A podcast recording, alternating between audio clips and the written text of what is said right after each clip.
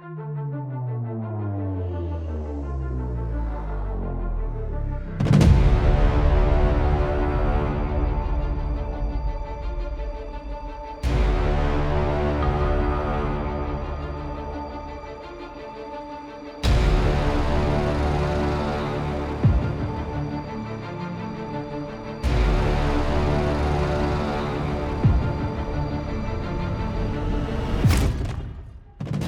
Cześć, witam na moim kanale. Ja mam na imię Piotrek i zapraszam Cię serdecznie do odsłuchania jednego z odcinków mojej audycji pod tytułem Stenogramy zbrodni.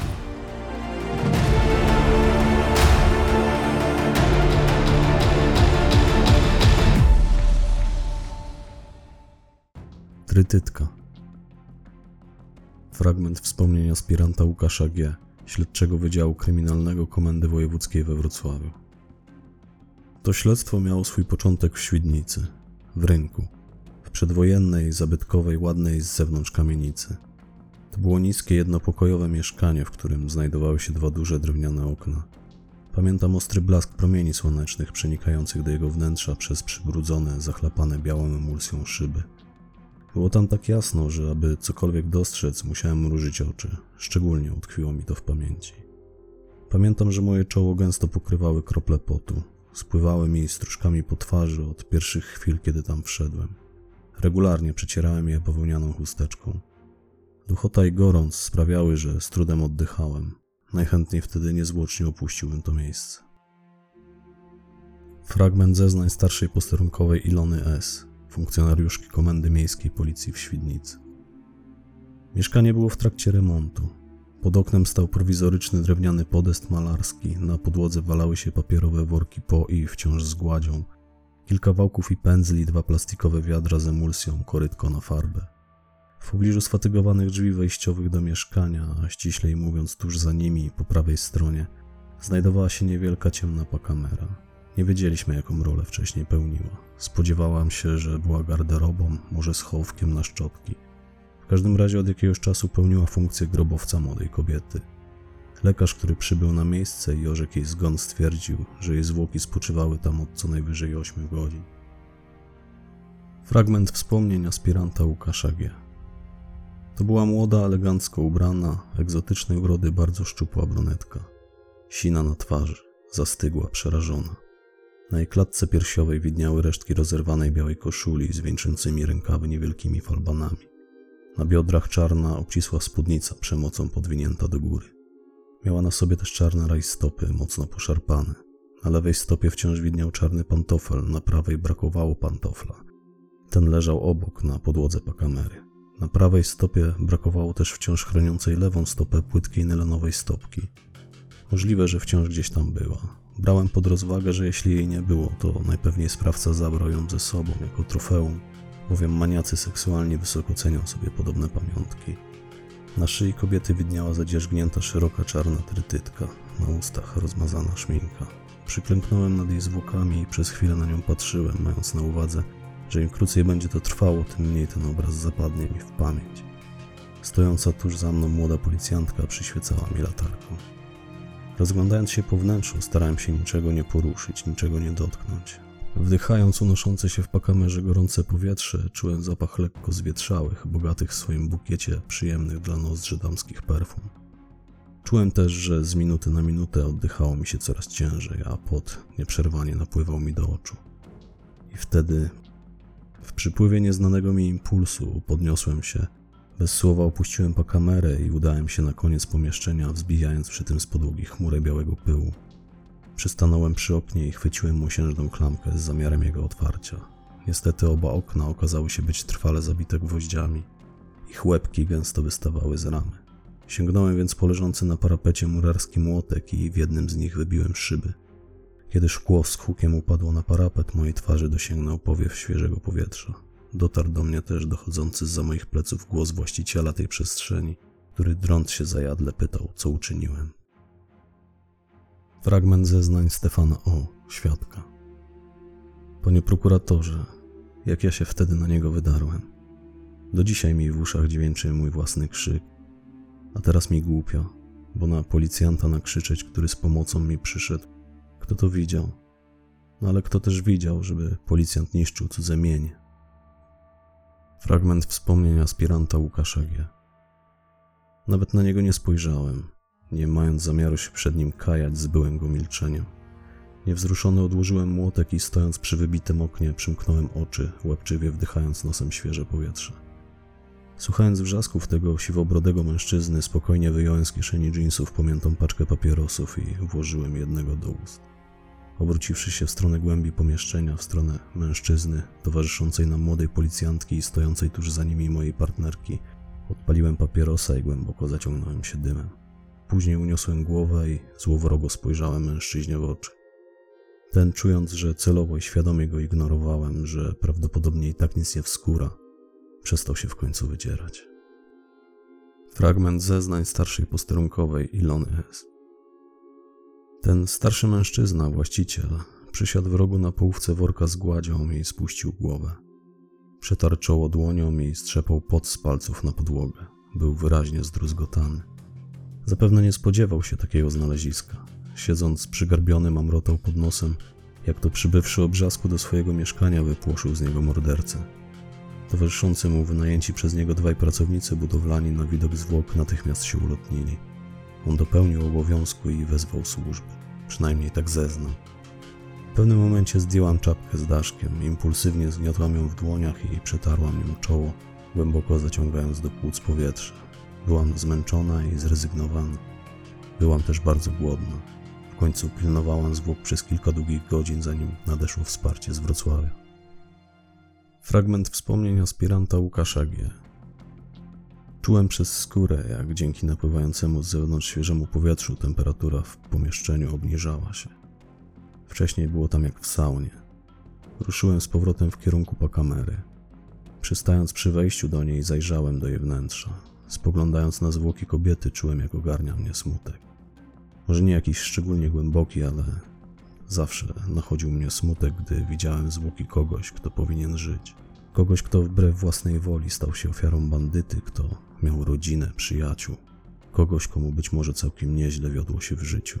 Zwykle w takich momentach nachodziła mnie zgryzota. Fragment wspomnień aspirant Małgorzaty L. Przystanęłam przy drzwiach wejściowych. W milczeniu obserwowałam, jak ekipa techników wnosi do pomieszczenia swój sprzęt. Przybyli niezwłocznie. Zasada szybkości oględzin na szczęście została zachowana. Nalegaliśmy, by się pośpieszyli, nie mogliśmy pozwolić, by coś wyparowało. Mikroślady mają w zwyczaju szybko ulegać degradacji. Zaczęli od rozstawienia stelaża z halogenami. Musieli dobrze oświetlić wnętrze pakamery, zanim mogli przystąpić do czynności. Fragment wspomnień aspiranta Łukasza. Poproszono mnie, bym nie przeszkadzał. Zgasiłem papierosa na zachlapanej emulsją drewnianej podłodze i opuściłem mieszkanie. Słyszałem wtedy, jak moja partnerka wyganiała stamtąd właściciela, zgodnie z zasadą tajności oględzin. Na szczęście nikt nie wytknął mi tego, że ja złamałem wszelkie zasady. Wybiłem to okno z nerwów, z emocji. Lecz gdybym był pozbawiony emocji, gdybym tego nie czuł, to świadczyłoby o tym, że posiadam psychopatyczne pierwiastki i nie powinienem być gliną. Jednak wciąż czułem, na moją zgubę. Długo miałem przed oczami to, co tam zobaczyłem. Fragment wspomnień aspirant Małgorzaty L. Rozpytaliśmy sąsiadów. Szybko okazało się, że zamordowana kobieta od dwóch dni wynajmowała apartament na ostatniej, czwartej kondygnacji w tejże kamienicy. Jeszcze przed południem pod okiem właścicielki weszliśmy do środka. Wewnątrz panował spory bałagan. W sypialni znaleźliśmy walizkę pełną markowych damskich ciuchów i skórzaną torebkę. Znajdował się w niej zagraniczny paszport i dokumenty od samochodu marki Volvo. Na półce w łazience spoczywała buteleczka perfum, którymi pachniała ofiara.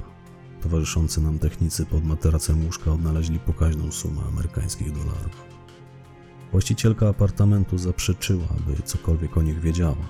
Z danych zawartych w paszporcie wynikało, że zamordowana kobieta była obywatelką Holandii, marokańskiego pochodzenia. Na imię miała Fadwa. Pieszy patrol prewencji namierzył rzeczone Volvo na jednym z parkingów w okolicy Świdnickiego Rynku. W stacyjce widniał pozostawiony tam kluczyk. W bagażniku odnaleźliśmy przykutą łańcuchami do konstrukcji pojazdu dużą i ciężką metalową skrzynię, a w schowku pod siedzeniem kierowcy komplet damskich peruk i cztery kolejne paszporty. Każdy poświadczał inne obywatelstwo zamordowanej.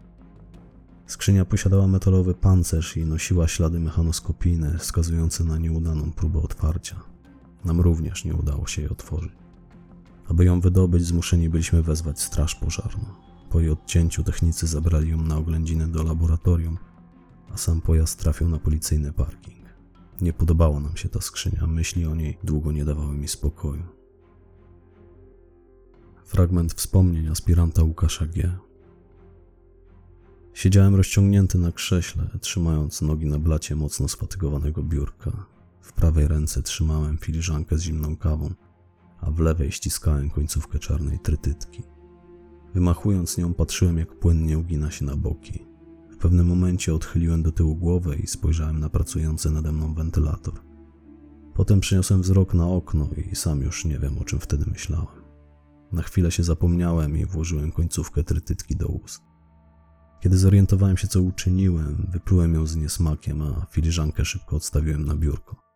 Choć przesądny nie byłem, patrząc na leżącą na podłodze trytytkę kilka razy splunąłem za lewe ramię. Miałem przecież w ustach kawałek plastiku, który jakiś czas temu dotykał martwego ciała. Moja partnerka siedząca naprzeciw mnie uniosła głowę z nad dokumentów i spojrzała na mnie z obrzydzeniem. Odchrząknąłem i przepraszająco na nią spojrzałem. W grymasie zażenowania spuściła wzrok i wróciła do czytania. Podniosłem z biurka filiżankę i jednym haustem dopiłem kawę. Później sięgnąłem po leżącą na podłodze trytytkę i włożyłem ją do kieszeni koszuli. To w końcu był ważny dowód rzeczowy, który otrzymałem do wglądu dzięki uprzejmości techników. Narzędzie zbrodni, które miało z powrotem trafić do akt. Postanowiłem się przejść i odetchnąć, zebrać myśli. Musiałem też odnieść trytytkę do laboratorium. Kiedy otwierałem drzwi kancelarii, kątem oka widziałem, jak moja partnerka kolejny raz logowała się do rejestru sprawców przestępstw na tle seksualnym. Jakby to powiedział nasz naczelnik, człowiek starej już daty, rejestr przestępców z lubieżności. Widocznie miała nadzieję za pomocą algorytmu wytypować kogoś o podobnym modus operandi. Wychodząc na korytarz, w duchu życzyłem jej powodzenia. Udałem się na papierosa na jeden z pięciu wewnętrznych dziedzińców komendy, gdzie, zaciągając się aromatycznym dymem, wymieniłem kilka zdań ze znajomymi i policjantami. Tematy jak zwykle poruszyliśmy te same. Dochodzenia, które utknęły w martwym punkcie, premie, urlopy. Po wypaleniu papierosa udałem się do przeciwległego skrzydła komendy, gdzie znajdowało się laboratorium. Zamierzałem odnieść trytytkę i wypytać techników o postępy. W trakcie spaceru długim korytarzem przystanąłem przy tablicach przedstawiających wizerunki poszukiwanych szczególnie groźnych przestępców. Starałem się je spamiętać w nadziei, że rozpoznam któregoś z nich mijając go na ulicach miasta. Takie sytuacje już się zdarzały. Później otworzyłem pobliskie drzwi laboratorium i bez skrępowania przekroczyłem próg jednej z pracowni.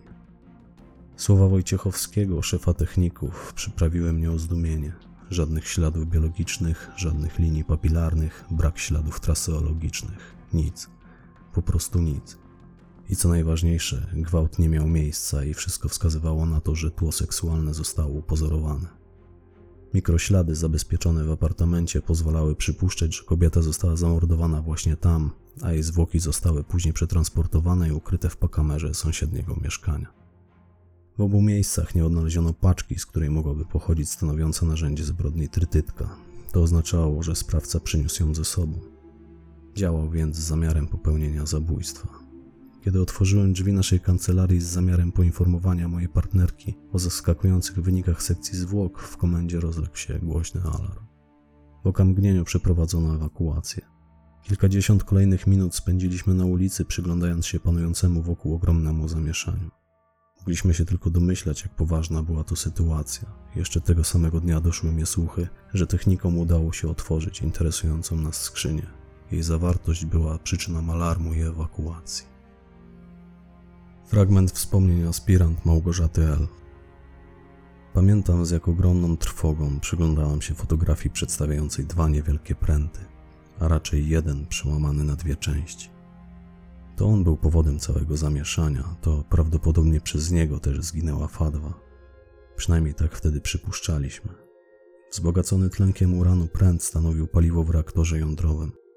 Zawarta w nim mieszanina izotopów U-235 i U-238 Miała wartość energetyczną kilkudziesięciu składów kolejowych wypełnionych po brzegi antracytem.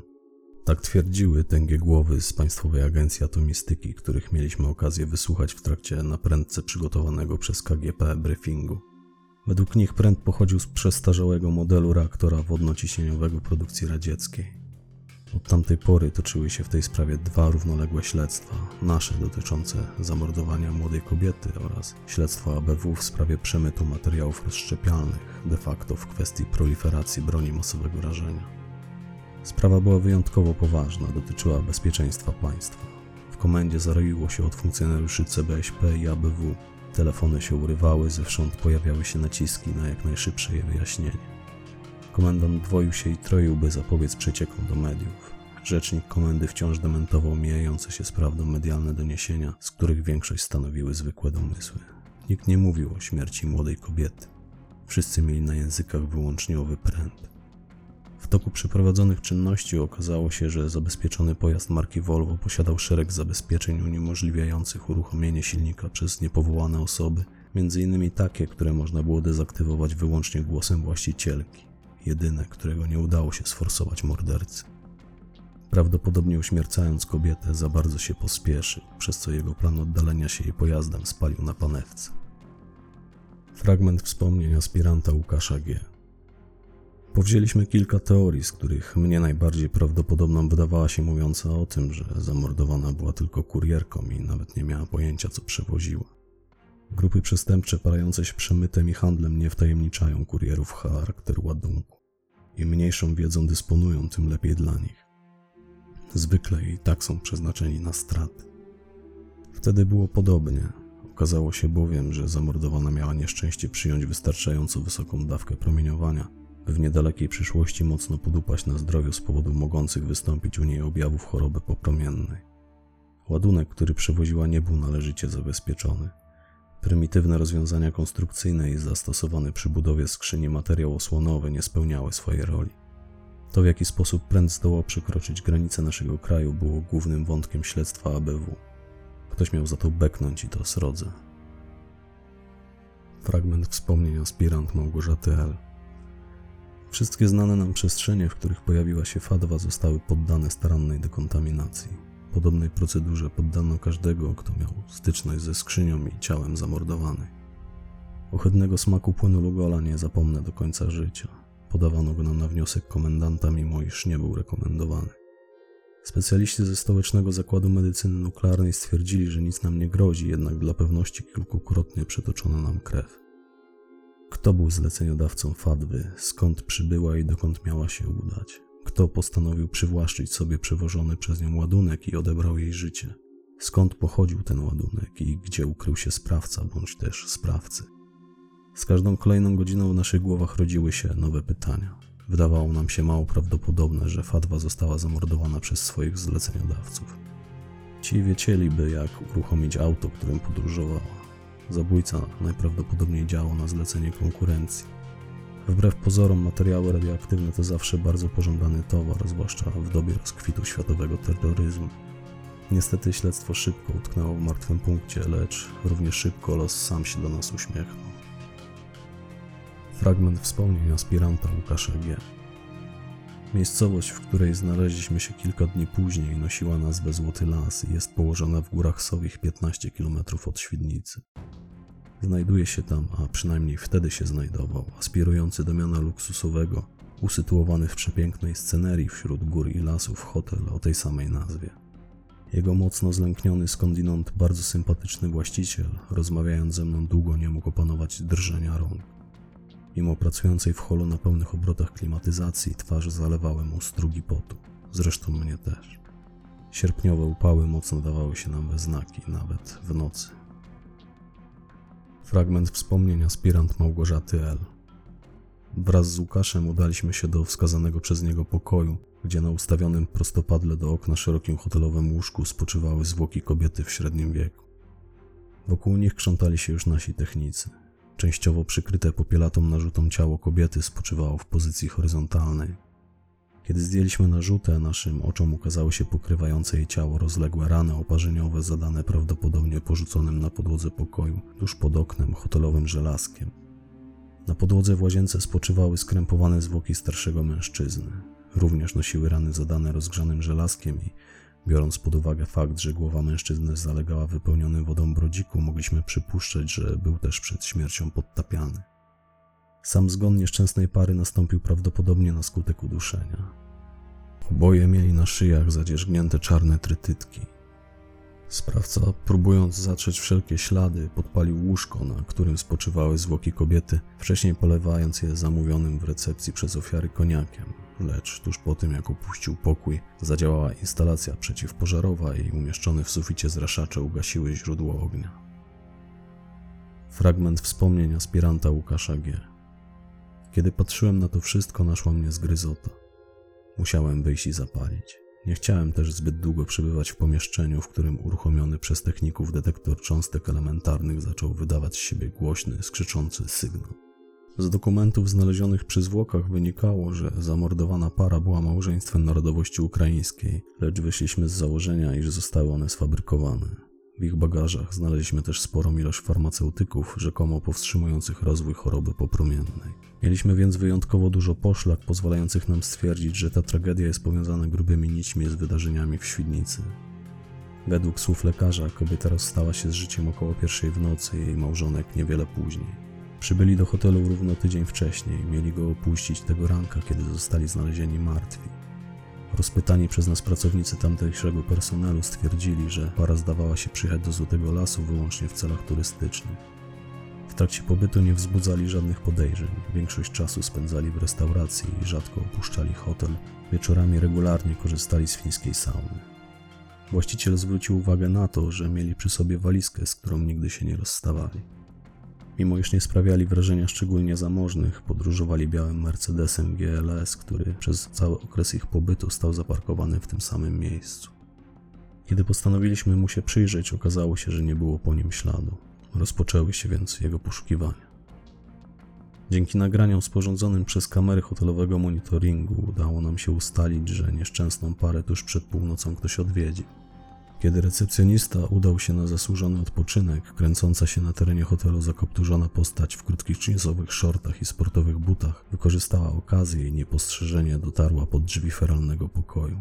Udało jej się wejść do środka dzięki uprzejmości lokatorów. Wszystko zarejestrowały kamery.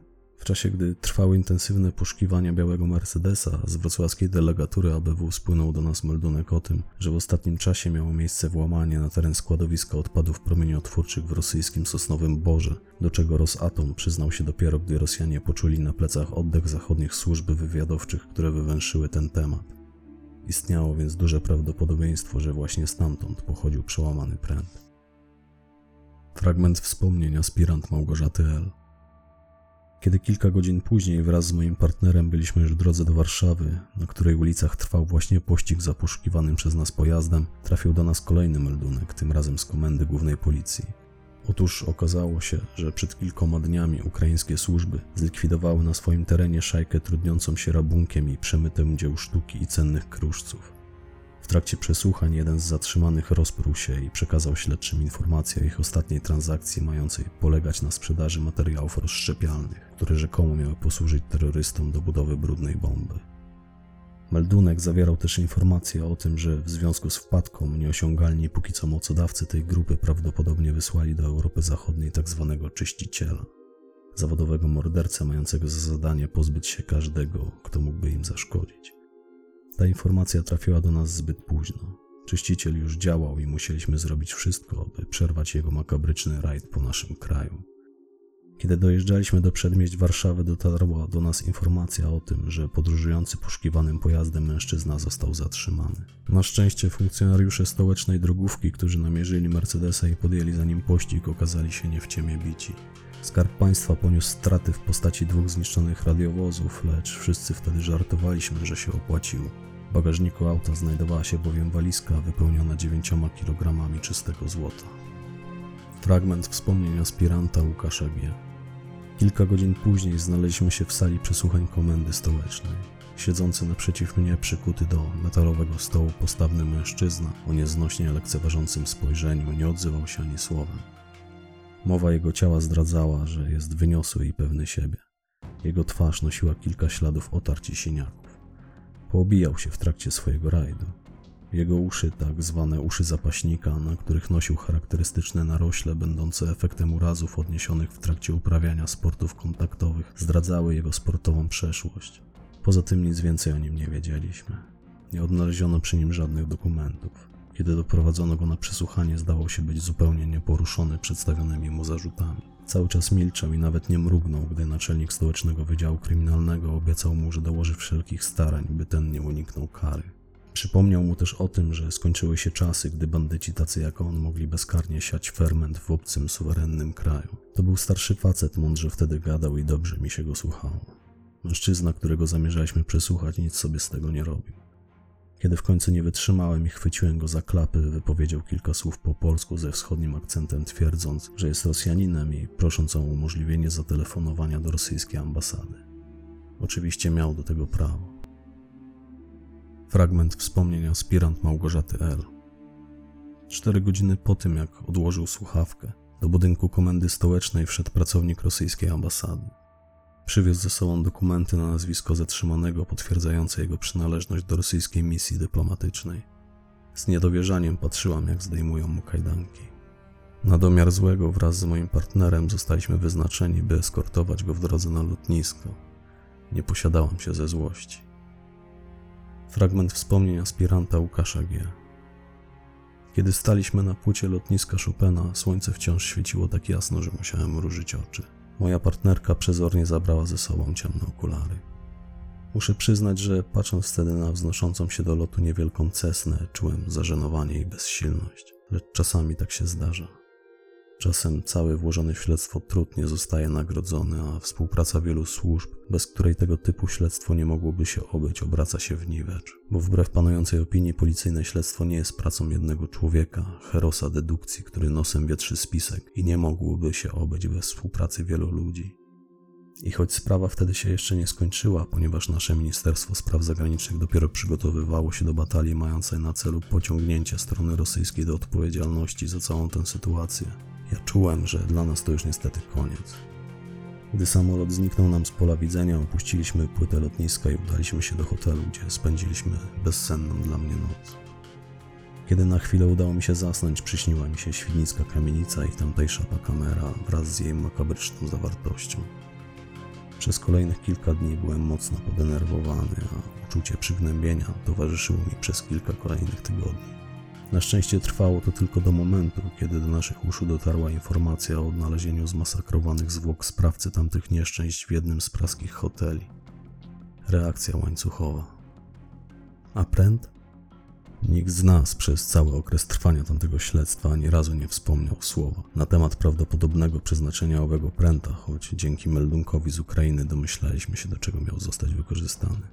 Na szczęście ostatecznie trafił tam, gdzie powinien,